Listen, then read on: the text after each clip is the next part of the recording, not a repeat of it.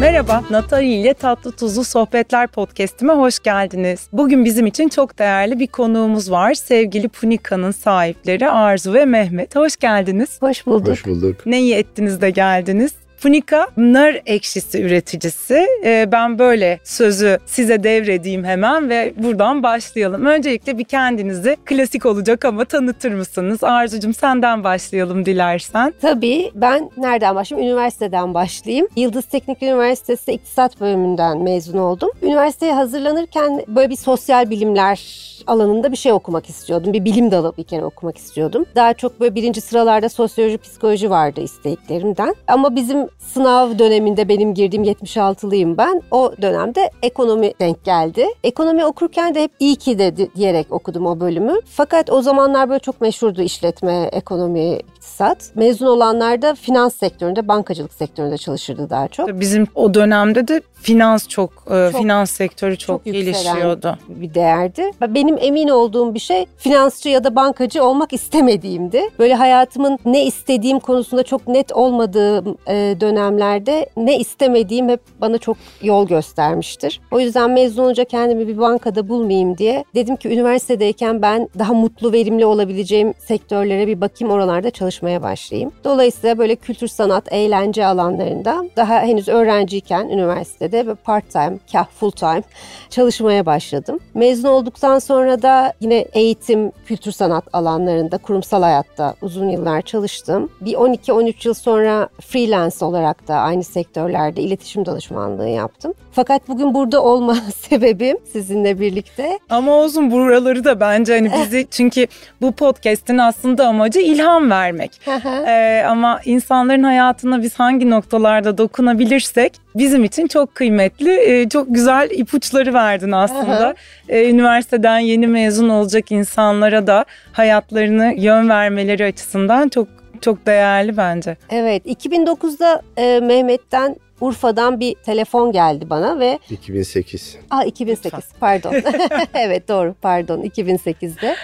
Ve o telefonda benim bu anlattığım kariyerim tarımsal üretime ve indirekt bir şekilde gastronomiye doğru evrildi ama hızlı değil bu yavaş yavaş bir değişim oldu. O telefonda ne olduğunu Mehmet'e aktarayım sözü burada çünkü onun aile hikayesiyle ilgili. Ben ziraat mühendisi annemin birazcık teşviğiyle oldum. Çünkü anne tarafı benim Urfalı, baba tarafı Selanik'ten gelmişler İzmir'e. İzmir diyelim. Anne tarafı Urfalı ve hep böyle tarımla geçinen, bir yandan tarımla geçinirken sadece çiftçilik değil kendi profesyonel mesleklerine edinmiş bir ailemiz var o tarafta. Annem gazeteciydi. Benim tam böyle üniversite hazırlık dönemlerinde GAP işte Güneydoğu Anadolu projesi meşhur Demirel'in GAP'ı kaptırmam dedi.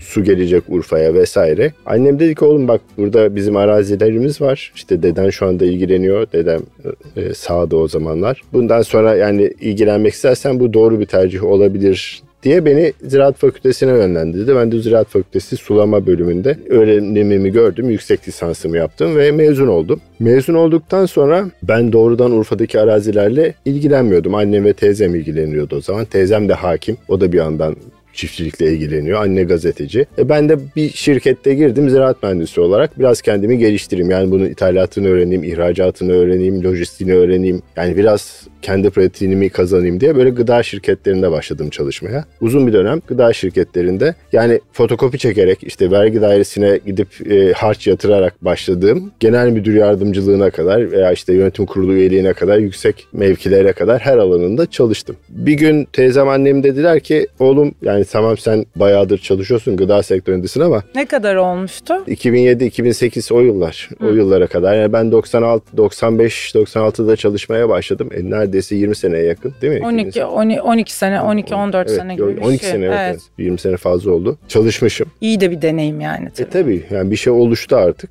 Dediler ki sen ilgilenmeyeceksen biz de yorulduk artık. Yani gidip gelemiyoruz da. Yani bu arazileri tutmayalım ya satalım ya da ilgileneceksen sen bak dediler. Ondan sonra işte e, bizim e, Urfa'ya geçişimiz, Urfa'ya yönlenmemiz 2008 itibariyle başlamış oldu aşağı yukarı başlangıç bu şekilde. Hı hı.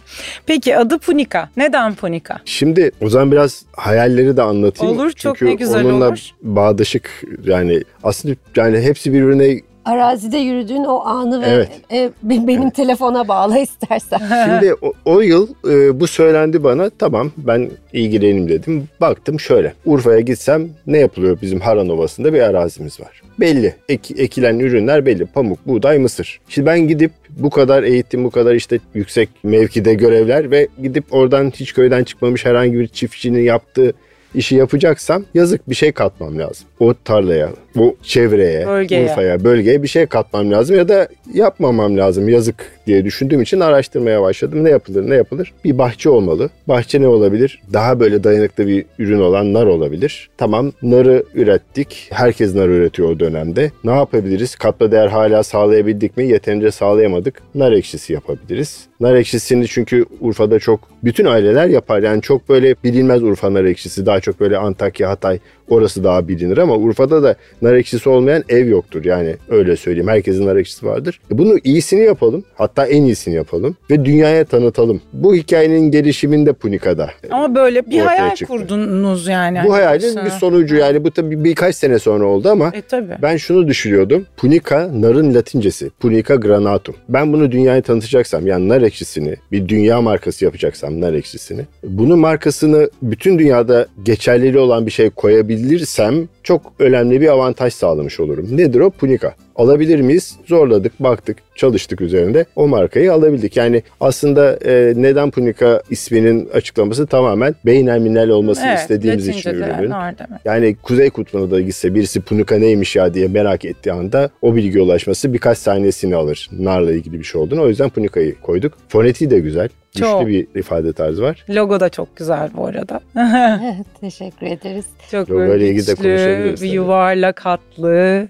Evet hepsi çok bunların üzerine düşündüğümüz Çok şeyler. Yani zaten. nar ekşisi kadar bir o kadar da dışına da emek verdik. Bizimle beraber emek veren dostlarımız oldu. Şişesinin seçiminden e, Mantarını anlatmıştınız Evet. e, geçen gün e, sohbetimizde hatırlıyorum. O kadar her şeyin o kadar detay var ki. Logodan sen devam et istersen orada da çok Şimdi- enteresan oldu onun çıkışı da. Evet kronolojik sırayla gitmemiş oluyoruz ama biz böyle Olsun, çok olsun. özenerek e, bir şeye geldik. E, Nar ekşisinde bir aşamaya geldik. Argesi ile ilgili çalışıyoruz.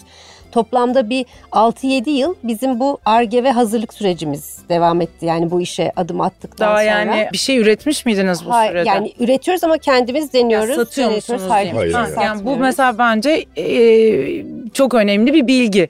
Evet. 6-7 yıl hiç satış yapmadan Sadece arge sadece arge üzerine ve türlü hani ürünün kendisi geri planda pazarlama logosuydu. Marka marka kimliği aslında. Evet. Bunlara Evet. emek sarf ettiniz. Ya bu ne kadar inandırıcı olur ama biz birinci öncelikli satmak amaçlı bu projeyi ya- yapmadık. Bunu biz hakikaten dünyaya bu ürünü tanıtalım. Yani iyisini yapalım. Önce Türkiye'de bir iyisi bilinsin, kabul edilsin. Sonra da bu ürünümüzü Türkiye olarak dünyaya tanıtalım. Niye sadece balzamik sirke yeniyor veya başka bir şey yeniyor dünyada sos olarak?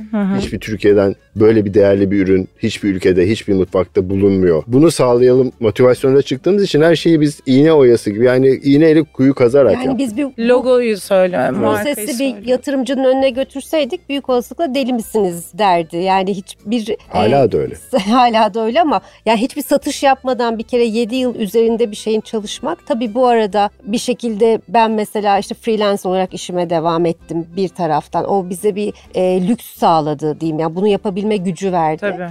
E, Hayatta devam ediyor sonuçta bir yandan. Evet yani. evet yani bunu yaşatmamız, sürdürülebilir kılmamız lazımdı. Ayağa kaldırmamız lazımdı her şeyden önce. Şimdi ekşisi de üretmeye başladık. O kendini belli etmeye başladı. İyi bir şeyler geliyor. Biz hala çalışıyoruz üzerinde. E, bu kadar güzel bir şey ürettik. Bir kere bunu güzel sunmamız lazım. Nasıl sunacağız? İşte etiketimiz, logomuz falan bunlar çok önemli. Kurumsal kimliğimiz. Ben dedim ki Mehmet Emre Çıkınoğlu'na gidelim. Emre Mehmet'in çocukluk arkadaşı ve bir taraftan çok 40 yıl. değerli bir görsel 40 yıllık arkadaşım. Hı. tasarımcı. Ne, ne güzel ve ne şans. Evet e, Mehmet dedi ki Emre'nin o kadar çok işi varken ve bu kadar üst düzey işler yaparken nar ekşisiyle mi ilgilenecek şimdi? Ya biz soralım Emre yapamazsa hayır desin bize dedim. Çünkü kıyamıyorsunuz evlat gibi ürettiğiniz bir şey ve en iyi ellere teslim etmek istiyorsunuz. Dolayısıyla Mehmet orada Emre'ye gitti. Bence o Ya yaşadığımız o- deneyimde onu da anlatayım. Evet çok Emre oturduk yemek yedik tabii. E, yemekte tabii bizim muhabbetimiz uzar gider. Arada Emre, Emre notlar alıyor. Sonra dedi ki tamam Mehmet dedi ben seni 2-3 ay sonra çağıracağım hiç bana dokunma dedi. Bunu demlemem lazım dedi. Bu Biz şeyi. de zaten nar ekşimizi Ben demliyoruz ona o şunu,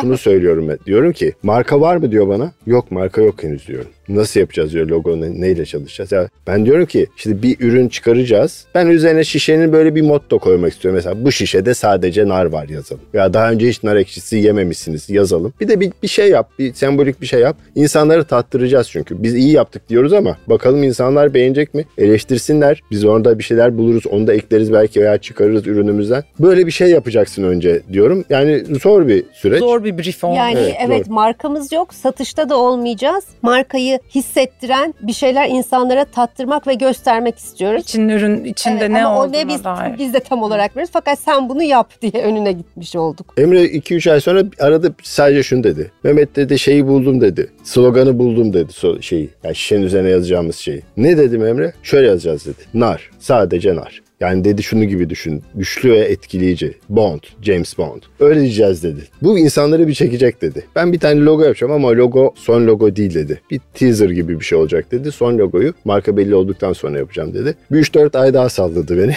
yani içim içim iyi ama aramıyorum. Sonra çıkardı işte ilk şeyini. iki tane seçenek getirdi zaten. Bunlardan biri başka bir şey hiç uğraşma. Bana şöyle dedi önce. Toplandık. Ben heyecanlıyım gösterecek zannediyorum. Notlarını açtı. iki sayfa not almış. Böyle madde madde madde. Okudu. Böyle dedim, böyle dedim, böyle dedin değil mi dedi. Var mı burada eksik bir şey? Yok dedim. Unuttuğum bir şey yok değil mi dedi. Ekleyeceğim bir şey var mı? Yok dedim. Ha dedi bunların hiçbirini yapmadım ben dedi. Ay çok güzel.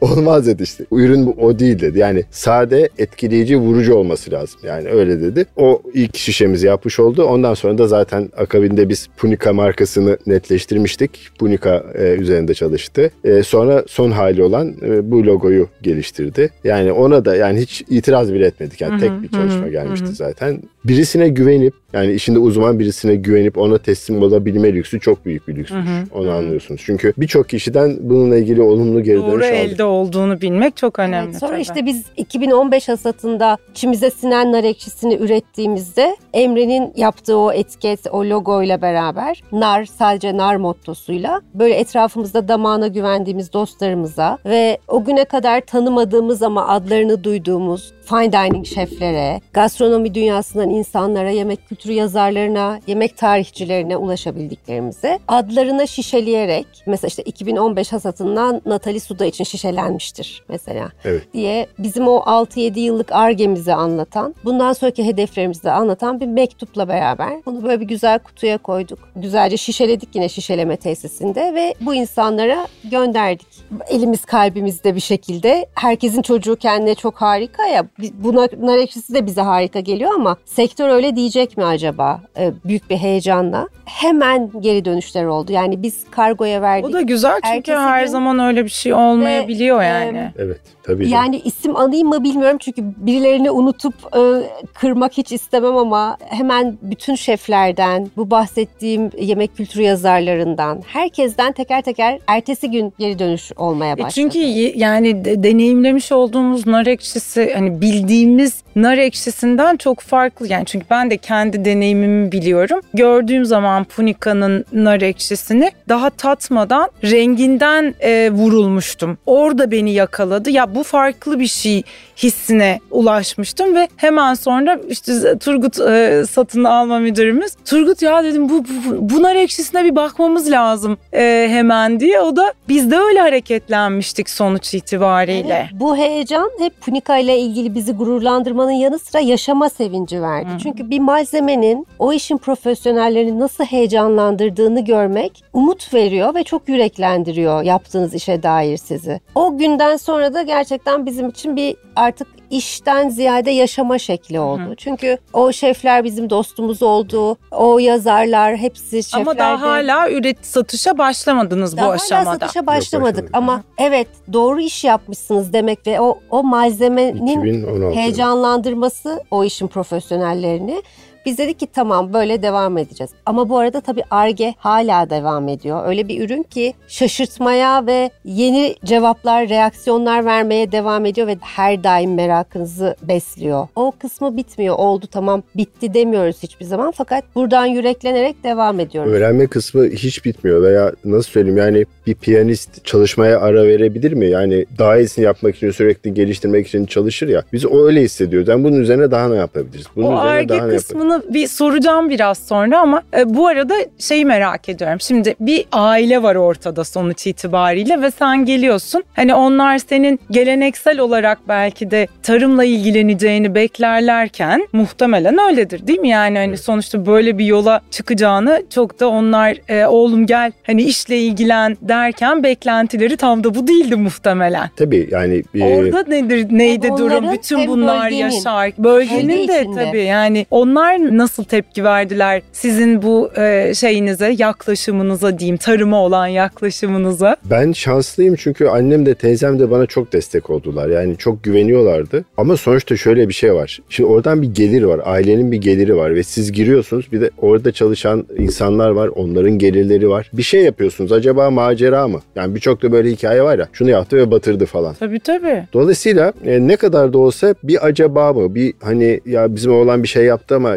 falan soru işaretleri çok var tabii. Bana minimumda yansıttılar. Ben çok rahat hissettim kendimi ama şu stres hep oldu üzerimde. Başarılı olmak zorundayım. Yani burada artık geri adım atamam. Ki dönem dönem çok bizi zorlayan anlar oldu. Tarım yapıyorsunuz, çiftçilik yapıyorsunuz. Onunla ilgili sürekli riskler var sizi bekleyen. Yani Ve senin tamamen. elinde olan bir şey değil yani hani iklim Tabii. koşulları. Hani ne yapabilirsin Bir ki? sene bahçenin yarısı öldü, kurudu gitti. Yarısından fazlası. Yani e, sökelim mi sökmeyelim mi sohbetleri olu- oluyordu. Yani artık çünkü olmayacak mı? İnsanlar da be- bekliyor hadi ne yapıyorsun Gözün falan içine diye. bakıyorlar yani Evet. değil mi? Dolayısıyla e, orada Dediler mi bölgede deli bu çocuk? Hani Dediler var. zaten Hani anne öyledir ya hep. eş dost annemleri arıyor. Ya o Tabii. evet tabii ziraat mühendisi oldu bir sürü yerde çalıştı ama burada bu işler böyle değil falan diyenler var. Onlar diyorlar ki yok bizim oğlumuz. Burada nar olmazdan şey yapar. başladı iş bir kere. Buradanlar olmaz bir o mesela. Sen neye yani soracağım bunu çünkü dediğim gibi ben hep birilerine geri planda ilham olsun derdindeyim. Sizin gibiler daha artsın ve birilerini cesaretlendirelim. Hani o yüzden orada sen bir bilime herhalde güvendin Tabii, yani. tabii. Yani Neticede orada. Şimdi bunu benim mezun olduğum liseden bir kardeşim sağ olsun sevgili Ozan onunla bir konuştuk. O bize şey yaptı. Birkaç alternatif söyledi. Onlardan bir tanesi nardı. Ondan sonra ben araştırmaya başladım tabii. Tabii. Nar bir de herkes o zaman nar dikiyor. İşte haberler falan var. İşte Antalya'da 20 dönüm nar bahçesi vardı. 2 yılda bir ev bir Mercedes araba aldı falan böyle haberler dönüyor. Narlı içkilerin çok moda olduğu Evet, bir, bir narlı. dönem vardı Hmm. İstanbul'da. Böyle- O döneme denk geliyor. Dolayısıyla böyle bir narın marka değeri var o zaman. Herkes nara saldırıyor. E ben şimdi öyle yapmadım tabii ki. Narı önce bir araştırdım. Bizim orası bir ova. Artık bir de sulanan bir ova. Yani eskiden sulanmıyormuş. Farklı bir bitki örtüsü varmış. Şimdi sulanan bir ova. Sağını solunu sulanıyor. En basitinden çok tekneye girmek istemiyorum ama sulanan düz bir arazide taban suyu yükselmesi ve kök çürüklükleri olabilir. Narın buna çok dayanıklı olduğunu mesela gördüm. Daha sonra e şimdi siz çevreden bilgi alıyorsunuz. Çevredeki çiftçilerin söylediklerinin çok değeri var. Onların bir tecrübesi var. 20-30 yıllık, 40 yıllık ama bu kadar. Yani 100-200 yıl öncesine gittiğiniz zaman o tecrübeleri yok. Kendilerine aktarılmamış. Ben- Devretmemiş mi? Enteresan Devlet aslında. yani maalesef yani bizim toplumumuzda biraz bu yani kayıt hani almak gibi bir alışkanlık da yok ya. Bir de neyse o anda çok para kazandıran herkes ona yönelmiş. Yani bu Türkiye'nin genel çiftçi toplumu bu şekilde aslında. En büyük zaaflarımızdan bir tanesi o. Komşu ne yapıyorsa herkes ne yapıyorsa aynısını yap. Hiç riske girme. Mahallenin köyün delisi olma. Sen Ciddi bir biraz tırnak içinde köyün delisi Evet, oldun tabii sanki. yani biraz öyle olmak zorundayız. Zorunda. Yani o ve onun risklerinde göğüsleme hazır olmak Ama zorundayız. sonuçta altında tabii ki dayanakla E, yani. tabii. Sen de oturup e, Ben- bir şey güvenmeden Tek- yapmadın yani. Teknik olarak bunun dayanacağını gördükten sonra bu bölgede nar olur mu arayışına tarihten araştırmaya girdim ne yapabilirim. Ve sonuçta beni kesin ikna eden bir şey vardır, an vardır. Evliya Çelebi'nin seyahatnamesinde adam 350-400 sene önce yazmış Urfa'da Harran Ovası'nda yürüdüm şuradan şuraya kadar başıma bir katre güneş değmedi her taraf bağlılık bahçelikti demiş. Ha bu da yeterli değil. Çünkü o zaman dediğim gibi bu, bu denli avaş sulama yapılmıyordu. Taban suyu meselesi yoktu. tabii belki. iklim değişikliği falan da çok. O da var. O da vardır. O da var. Herhalde vardır diye Yani yine de. Sen daha iyi bilirsin. Çok tabii keskin de. bir iklim değişikliği olduğunu zannetmiyorum. Evet. Son yıllarda biraz daha bu iklim Ben yok değişikliği. son yıllar için söylüyorum zaten. 30-40 yıl için Evet. söylüyorum. O dönemden o şey arasında çok olduğunu Yok, zannetmiyorum. Tabii, tabii yok. Ve şöyle bir şey de söylemiş. Ben burada yediğim kadar, ha, Harran Ovası'ndan bahsediyorum. Burada yediğim kadar lezzetli ve sulu narı hiçbir diyarda yemedim demiş. Evliya Çelebi söylemiş bunu. Her yeri gezmiş. Bir, bir sürü yerde yani nar üzerinde de böyle bir şey söylemiş. O zaman niye burada yapmıyoruz? Sonuçta e, oraya da bağlamak istiyorum. Biz nar ekşisi, şimdi Arzu dedi ya 2008 yılında ben düzelttim bir telefon geldi Mehmet'ten diye. Şimdi bu narla ilgili bu araştırmaları yaptıktan sonra, ikna olduktan sonra narı dikeceğim tarlanın bölümünde geziyorum. Mısır vardı öncesinde. Mısır hasat etmiştik. Mısır sapları arasında yürüyorum. Hayal etmeye başladım bunları işte. Burada nar dikilecek, bahçe olacak. Buradan ben nar ekşisi üreteceğim. Bunu dünyayı tanıtacağız. Bütün dünya nar ekşisini tanıyor olacak falan. Açtım Arzu'yu. Dedim ki Arzu ben buraya nar dikiyorum. Ama dedim nar değil nar ekşisi yapacağız. Dünyanın en güzel nar ekşisini yapacağım. Ben dedim. Sen de bunu dünyaya tanıtacaksın. Arzu da o zaman başka bir kurumda bir halkla ilişkiler müdürü olarak çalışıyor. Beni paket etti. Tamam dedi sen bir başla da dedi. Hayır sen, sen başla bakarız. Ya, işi gücü var o sırada bilmem kim gelmiş. Uluslararası bilir bilmem ne konferansı var. Ben nar, nar dikeceğim falan. Şeyde. havalı işler yapıyordum açıkçası. Evet nar ekşisi aklıma gelmemişti. Yani. Arge buradan başladı. Peki Evliya Çelebi'den ve tarihten bahsetmişken tabii Urfa'da deyince Göbekli Tepe'den hele ki şimdi hani bahsetmemek hiç olmaz. Göbekli Tepe'nin Funika açısından önemi neydi? Var mı bir önemi? Hani oradan da bize söyleyebileceğin bir şeyler var Tabii mı? yani şimdi sonuçta benim için neden Urfa'da bir şey yani düşün İstanbul'da doğmuş büyümüşsünüz. İlk ben Urfa'ya gittiğim zaman 18 yaşındaydım. O kadar Hiç gitmiyor muydunuz yani? gitmiyorduk. Yani o zaman böyle uçak falan Doğru şey de yoktu. aslında. Gitmek Çok 24 uzak saat sürüyordu. Bir de büyük Ama- şehrin öyle bir cazibesi vardı ya zaten hep yani biz aynı kuşak çocuğuyuz neticede. Aynen öyle. Anadolu çok da maalesef hani aslında toplum nezdinde de dikkate almıyorduk aslında. Aslında bizi besleyen yegane şeydi ama çok da farkında değilmişiz. E şimdi- Öğretilmemiş yani bize. Şunu görmüyor yani bizi de yaşadığımız çevre arkadaşlarımız gittiği okuduğumuz okullar mi işte işletmeci olmak, işletme mühendisi Tabii, olmak, tabii. mimar, mühendis, bilgisayar yazılımcısı, doktor, diş hekimi falan. Şimdi bunlar konuşulurken ben çiftçi olacağım, ziraat mühendisi olacağım demek kolay bir şey değil. Yani Değil, değil. ben Urfa'da veya Anadolu'nun başka bir şehrinde yetişsem bu fikir daha çok kafamda hızlı Bir oluşabilirdi. de Avrupa'da filan çocuklar sonuçta bahçede tarım yani okullarda hani çok küçücük de olsa ekim, dikim bunları bir miktar botanikle, e, ziraatle uğraşıyorlar sonuçta. Tabii. Uğraştırılıyor ve Çok öğretiyorlar. Biz belki biz öyle elimizin değildik altında ki. diye daha Dı, körlük elimizin altındaydı. O zaman öyle bir Evet, körlük Maalesef oluyor herhalde. öyle bir körlük vardı. Ee, mesela bizim kızımız anaokulundayken öğretmeni şey demişti. Hayal gücü ne kadar geniş. İşte mesela kelime bul diyorum U'yla. Başkaları uçak derken işte Nil Uskumru diyor falan. Bir de o kadar geniş ki hayal gücü. Baban ne iş yapıyor dediğimde babam çiftçi diyor. İnan ihtimal vermemiş yani bu hayal gücünün bir ürünü olabilir babasının çiftçi Ciddi olması. mi diyorsun? Evet. Ya uç örnekler verirken onu söylüyor. Baba, babam da çiftçi diyor falan hani. Yani şimdi ama o bizim bakın Ama öğretmen ona inanmıyor ve hayal Evet, gücü hayal kadar Evet. kuvvetli diyor. Bunu- düşünüyor. İşte diyorum ya yani hani aslında başka bir yere oturttuk maalesef Ne yazık e, ki. öğretilerle. o bizim toplumumuzun maalesef üretime, tarıma Evet. yeterince Üretime. değer vermemesi. Maalesef. Yani böyle bir şey şimdi bakıyorsunuz Avrupa'daki veya dünyadaki gelişmiş toplumların birçoğu endüstri sanayinin yanında aynı zamanda tarım ülkesi de. Tarım Üstelik toprakları yokken tarım Evet, ülkesi. Evet. Yani Hollanda'da toprak mı var?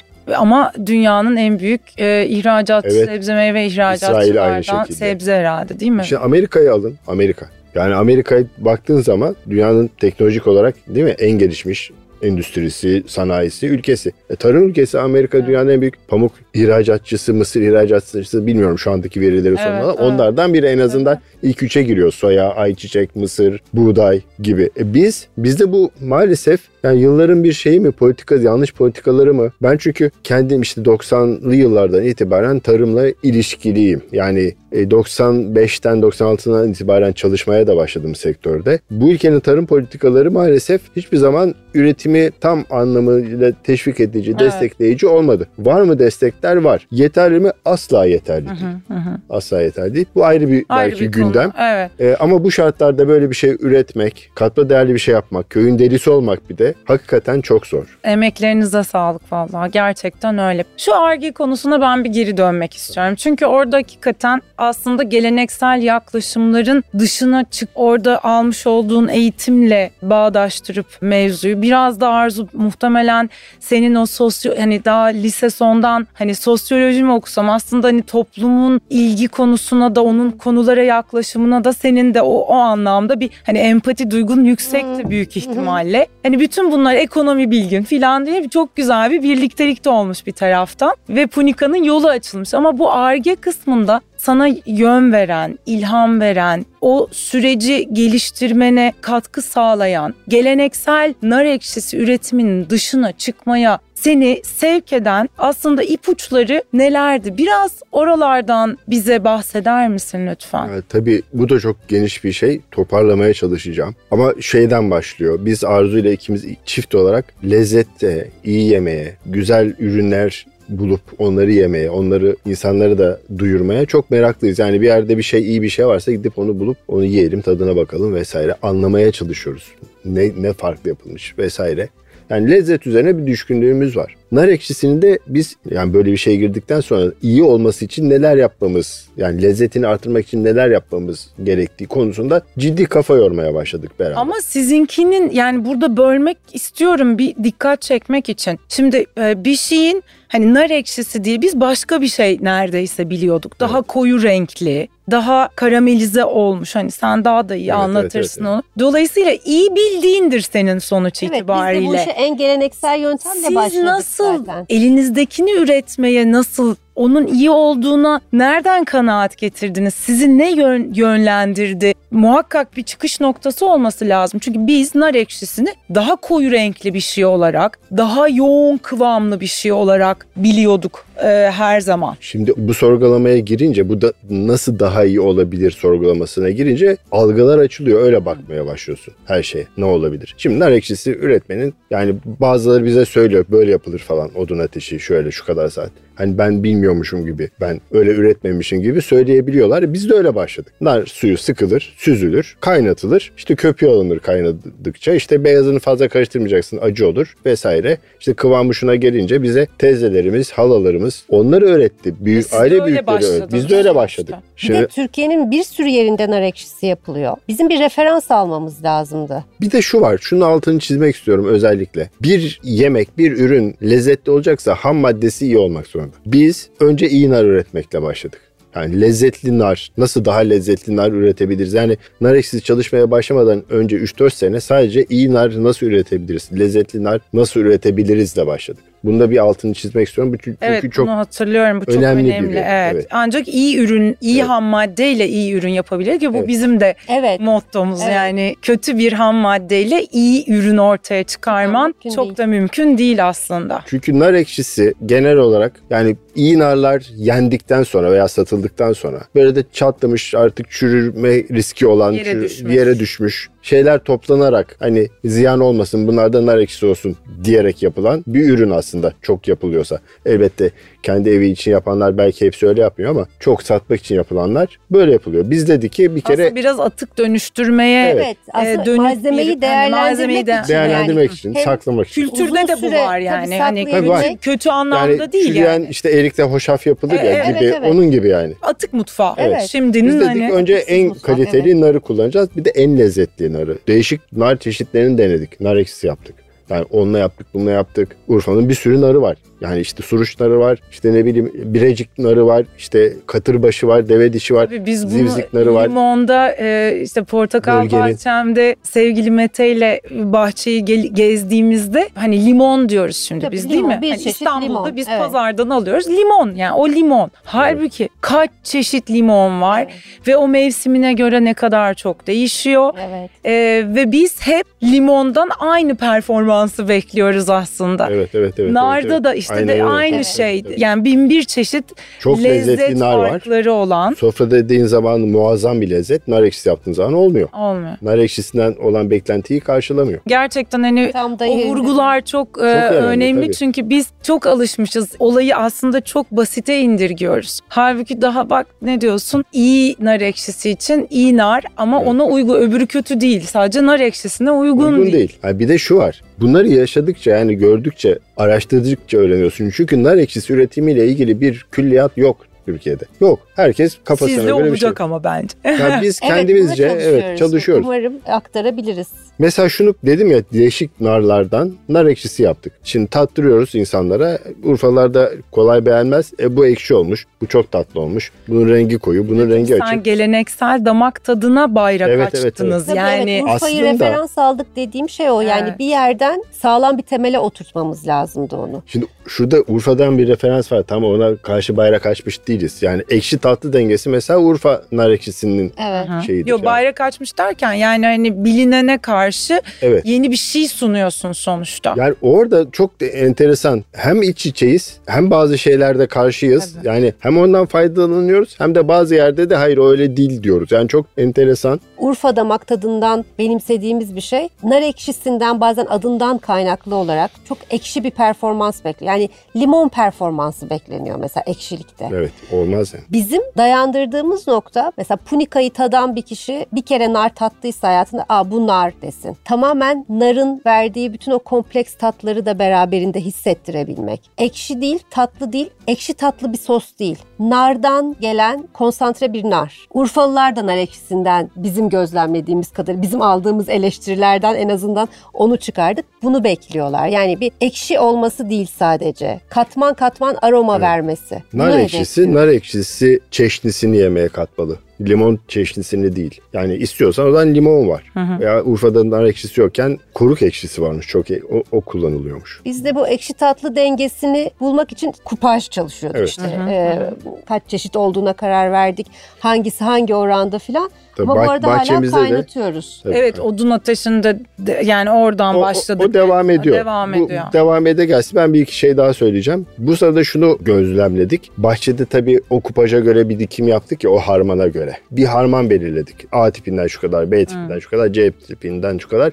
Bir de yabani tipler var. Yabani. Onları da sökmedik. Bunlar geldiyse bir bildikleri vardır bahçede dedik. Onlar da duruyor. Yabani tiplerden de baharat gibi belli bir miktarda var. Şunu gözlemledik. Zaten biliyordum bir teknik olarak ama bunların birlikteliği narın, bahçenin toplam aromasını çok zenginleştiriyor. Çünkü A tipi B tipini tozluyor, B tipi C tipini tozluyor Ha. ve karışmaya başlıyor. O çeşitlilik bazı meyvelerde çok istenen bir şey değildir. Yani o tipi korumak istersin. Aynı çeşit neyse çeşitli özelliklerini korusun istersin. Ama bizim bahçede bahçeye özel bir flora oluşturdu. Ve narda da bu çeşitlenmenin lezzeti arttırdığı, aromayı arttırdığı gerçeğini ortaya koydu. Bu gerçeği biz ortaya koyduk.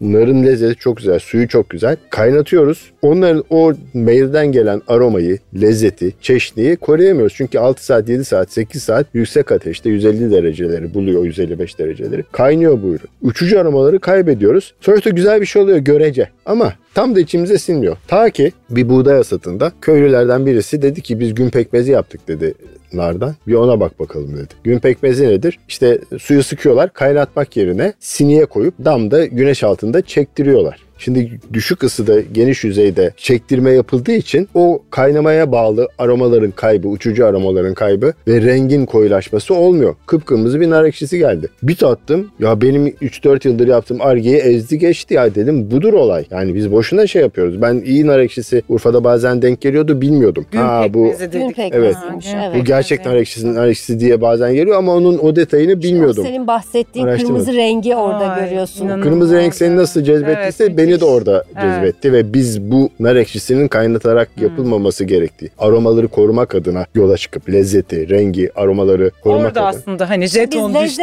Orada orada tabii lezzet peşindeyken Bunu ki Bilemiyoruz çünkü. kaynatmamak gerekiyor. Oradan başladınız. Oradan başladı. Fakat sonra öğrendik ki aslında Sonra- sağlık açısından da Tabii. bambaşka Şimdi onu konular soracak. varmış. Evet. MF konusu MF e, aslında geldi. orada ki şu anda zaten herkes bu konuda çok has yani çoğunlukla insanlar bilinçli tüketici çok çok, hassas.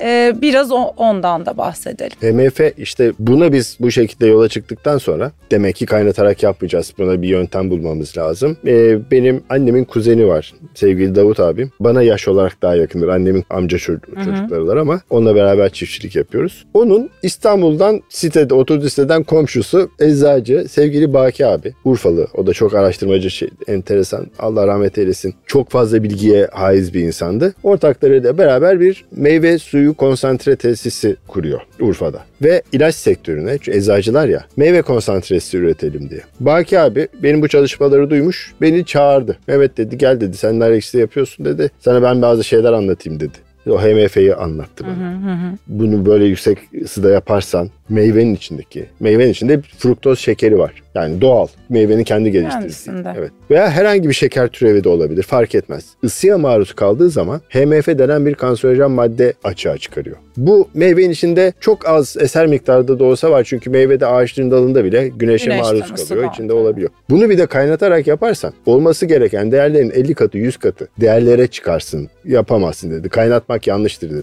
Bunu dedi bizim tesis gibi bir tesiste konsantre üreten tesiste yapman gerekiyor. Gezdik tesisi. Ben ona bazı şeyler söyledim. Benim bir de geçmişten anlattım ya hani şey merakım var. Lezzete merakım var. İşte birçok tesisi de gezmişimdir. İşte azimlik sirke nasıl yapılır, zeytinyağı nasıl yapılır, işte şarap nasıl üretiliyor, butik. İşte bunlarla araştırmışımdır neler yapılıyor. Meraklısın Meraktan aslında. dolayı evet. yani lezzeti korumak adına yapılan şeyleri merak ettiğim için o tesiste de dedim Baki abi böyle böyle yapabiliriz. Burada nar, nar ekşisi üretiriz şöyle yaparız. Yollarımız birleşti. Baki abi dedi ki Mehmet de bu şirketin bir ortağı gibi göreceksiniz. Stratejik ortağıdır. Ne diyorsa yapılacak dedi. Biz orada yollar birleşti. Punika'nın endüstriyel üretimi diyeyim. Endüstriyel mi diyeyim? E tabii Yani- yani, hani sonuçta Evet. Büyük çapta Evet, üretimi büyük bu çapta. şekilde Aha. geçiş yapılmış oldu. Tabii ben orada da köyün delisi e, şeyinde yani bu şöyle olacak, bu ayarlar böyle olacak, şu makine böyle yapılacak bu falan. Ben ne dersem Baki abinin desteğiyle sonra ama üretim müdürü vesaire de bana çok karşı çıkmasına rağmen baktı ki oluyor, Oluyor. lezzet artıyor, aroma artıyor, güzel oluyor. Orada bir işbirliğine geçtik. Aha, bir aha. daha da yollarımız ayrılmadı. Öyle devam ediyoruz. Tabii aslında e, nar ekşisinin hani siz demiştiniz hani menüde bunun menülerinizde nar ekşisi yazın. Hani İngilizcesinde de nar ekşisi yazın diye. Aslında ben de sizle sohbetimizden geçen haftalarda doğru önce biz sahiplenmeliyiz ve önce biz ona gerekli saygıyı göstermeliyiz hani ve öğretmeliyiz de. E, dolayısıyla biz hemen nar ekşisini e, İngilizce menülerde nar ekşisi olarak Kesinlikle. Düzeltiyoruz. Çok teşekkür ederiz. Ee, Bunlar böyle küçük zaten. adımlar gibi. E, ama değil Ama aslında. evet, Çok haklısınız. sahiplenmedi, dilini Evet. sahiplenmediğiniz, terimleri sahiplenmediğiniz zaman o ürün Gerçek de ve olmuyor sizin belki. olmuyor. Yani hani Tabii. sen nasıl siz hayal Evet. kurmuşsunuz ve kurduğunuz hayal hani gerçek olmuş çünkü o hayale sahip çıkmışsınız. Hani bizim de biraz e, hep birlikte aslında onlar ekşisine e, sahip o çıkmamız yüzden biz gerekiyor. yurt dışında da ürünümüze Evet. nar ekşisi diyoruz. Biz de bundan sonra böyle diyeceğiz artık. demiyoruz. Pomegranate Ee, sour, pomegranate sirup, Evet, bir pomegranate sürü şey molasses. hakikaten yerine tarif etmek Evet. için bir Evet. sürü şey Açıklamak söylüyoruz. için e, ürünü anlatmamız gerekebiliyor. Evet. Ama bu ürünün adı nar ekşisi. Nar ekşisi. Ve ben e, sizle sohbetimden e, aklıma İtalya'da işte balzamik sirkenin işte hatta sana da o gün söylemiştim. Yıllandırılmış balzamik sirkeler var ve hakikaten normal fiyatların çok çok üstünde e, yüksek fiyatlara satılıyor. Hani sizin de böyle hedef çünkü bunlar aslında Tabii, tabii, ürünü değerli kılan, katma değerli ürün noktasında e, gerçekten ülkeye de çok büyük e, faydası olan ürün e, yaklaşımlar ve aslında bizlerin de buna tüketici olarak hem birey olarak hem kurumlar olarak sahip çıkıyor olmamız lazım. O yüzden hani sana söylediğimde dedin ki evet aslında deniyoruz biz de şu Evet, anda evet. bunları. Bu beni çok heyecanlandırdı açıkçası. En azından bu dinlendirme, dinlenmiş nar ekşisi şeyi oturdu. Bazı şef dostlarımız özellikle dinlenmiş istiyor. Mesela şöyle açmazlarımız var. Biz tavsiye edilen tüketim tarihi koymak durumundayız mevzuata göre. Ve onu 2 yıl koyabiliyoruz. Benim 2015 hasatım daha duruyor. Taş gibi çok da lezzetli. Her sene lezzeti farklı bir yere gidiyor. Şimdi ben buna nasıl katma değer koyacağım? İki, yani, Hmm. yani şimdi 2005, iki, e, 2015, 9 yaşında. 2 yılda tavsiye edilen tüketim tarihi bitiyor. Ben onu satamam ki bile. Ne- Nasıl olacak yani? Bunları da aşmamız Ama gerekiyor. bizi çok Ama mutlu eden şeyler var. yani, Süreç bu evet. Tabii ki. Evet. E, biz mesela her e, hasat yılında ön etiketimizde yazıyoruz. Onun hangi Evet. yıl ürünü olduğu. Hı hı. Mesela işte bu senekinde 2023 hasatı yazıyor. Evet. Çünkü Ekim'de olduğu için şu an 2023 hasatını kullanıyoruz. Biz hasat yılı baş, yazmaya başladığımızdan itibaren ilk yıl 2016 hasatıydı. Limitli ürün diye çıkmıştı. Orada hasat yılı yazmıyordu. Çünkü zaten sadece 3600 Düşünememiştik şişeydi. o zaman yani Evet. böyle şey. Sonra baktık ki Aa, bu yaşadığını göstermemiz lazım ve hasat yılına göre almak, dinlendirmek isteyebilirler. 2017'de hasat yılı yazmaya başladık ön etikete. 2018'den itibaren son tüketici hasat yılı merak ederek ve satın aldığı yere bu hangi yılın hasatı bir dakika 2016 yok mu E, bu 2018 mi 2017 var mı diye sor tabii kalmıyordu ürün. Biz her zaman pazar yaratıp ondan Tabii. sonra Tabii. satışa başladığımız için. Ama yani son tüketicide bile nar ekşisini hasat yılıyla soruyor olma ne diyeyim refleksi iki yılda olmuştu. Bu Evet. önemli bir Yurt, şey. Aslında yurt dışından bile geliyor. Yurt dışından Yurt da öyle geliyor. Evet, siz tabii şu anda nar ekşisinin tarihini yeniden yazıyorsunuz. Gerçekten böyle bir katkı sağlıyorsunuz. Bir değişim dönüşüm yaşıyor nar ekşisi. Sizlerle birlikte bizlere de öğretiyorsunuz tüketicilere de. Hani bu çok değerli. Şimdi tabii e, çok farkında hiçbirimiz farkında değiliz ama bunların altını ama bir, bir, ama muhtemelen bir öyle. taşı oldu. Yani muhtemelen öyle. Bu proje için de çok teşekkür ederiz. Yani hakikaten bir 10 yıl sonra muhtemelen bunun değerini çok daha iyi hep birlikte anlayacağız. Çünkü aslında gastronomik bir derinlik sağlıyorsunuz bizlere ürettiğiniz ürünle. Aslında burada bir sürü gizli kelime var içinde. Sabır kelimesi sizin işinize yaptığınız, işinizdeki Evet. e, çok sihirli kelimelerden bir tanesi. Tutku keza aynı şekilde. Ürünle yaşamak, markanızla yaşamak yine yaşam biçiminiz olmuş. Siz zaten söylemiştiniz. Bir şey daha var. Hani toparlamam lazım ama bunu da sormadan bitirmek istemiyorum. Akıllı böcek, akıllı çiftçi projeniz Evet. var. İyi tarım uygulamalarına bir örnek. Kısacık bir de aslında kısa olacak bir şey değil ama en azından fikir vermesi, üzerine dinleyicileri, izleyicileri düşündürmesi açısından e, ondan da biraz bahsederseniz. Ya mesleğim gereği zaten ziraat mühendisiyim. Çok bu konuları araştırıyorum, kafa yoruyorum. Yani bizde bazı moda şeyler oluyor, akımlar oluyor.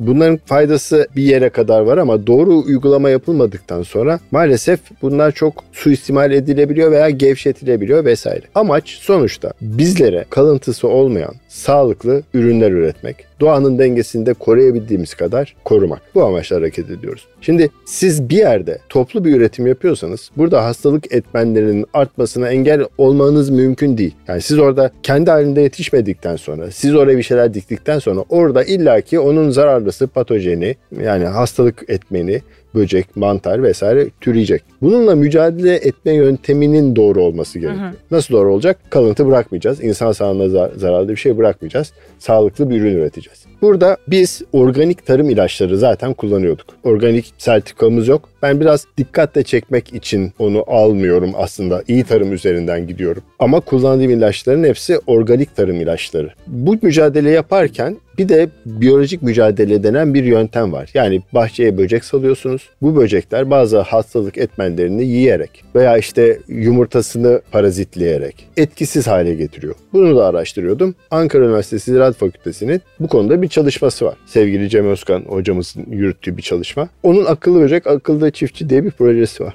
Kendileriyle iletişime geçtim. Nar'da bunu uygulamak istediğimi söyledim. O da bana Nar'da bunu dünyada uygulanan ilk çiftçi siz olacaksınız Oo, dedi süpermiş. anlattı. Biz 3 senedir bunu uyguluyoruz. Organik tarım ilaçlarıyla entegre şekilde böcek salımı da yapıyoruz bahçemize. Benim gözlemlediğim giderek hastalık etmenini kontrol altına alıyoruz gibi görüyorum. Bu tabii benim belki olumlu yaklaşımının da bir sonucu olabilir ama net emin olmak için bir süreç gerekiyor. Biraz 10 daha sene zaman 15 sene beklemek gerekiyor. Ama doğru bir mantıktır bu. Biz bunu sürdürüyoruz. Ediyoruz ve devam edeceğiz. Evet daha yüksek maliyet. Maliyetler. Kesinlikle öyle. Hastalık etmenlerine biraz daha açık oluyorsunuz. Riskiniz biraz daha fazla. Yani sürekli kontrol etmeniz lazım. Daha fazla emek harcamanız gerekiyor ama bu emeğe değer bir çalışma olduğunu düşünüyorum. Umarım Türkiye ve dünyada bu biyolojik mücadelenin önü de daha açılır. İnsanlar bunu benimser. Çünkü bu böcekler faydalı böcekler. Popülasyonu arttırabilirsek tarım alanlarımızda zararlı böceklerle onlar mücadele edecekler. Yıllar yılı biz yaptığımız ilaçlamalarla bu faydalı böcek zararlının yanında faydalıları da yok etmişiz. Şimdi belki onları geri koymanın zamanı. Ve yeni bir çığır açabiliriz. Bu kimyasal ilaçların kullanımını belki ileride sıfıra bile indirebiliriz. Bu çalışmalara bütün çiftçilerin destek vermesini ben buradan öneriyorum naçizane.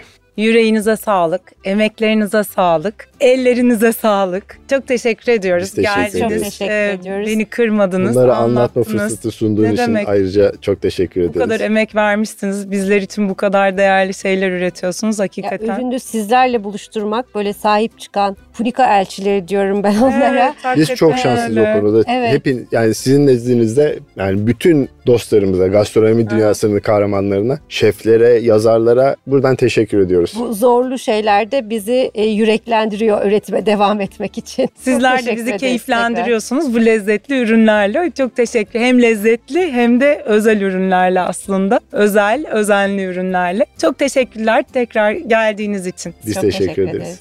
Evet, bir Natali ile Tatlı Tuzlu Sohbetler podcast'imizin daha sonuna geldik. Bir sonrakinde görüşmek dileğiyle. Hoşçakalın.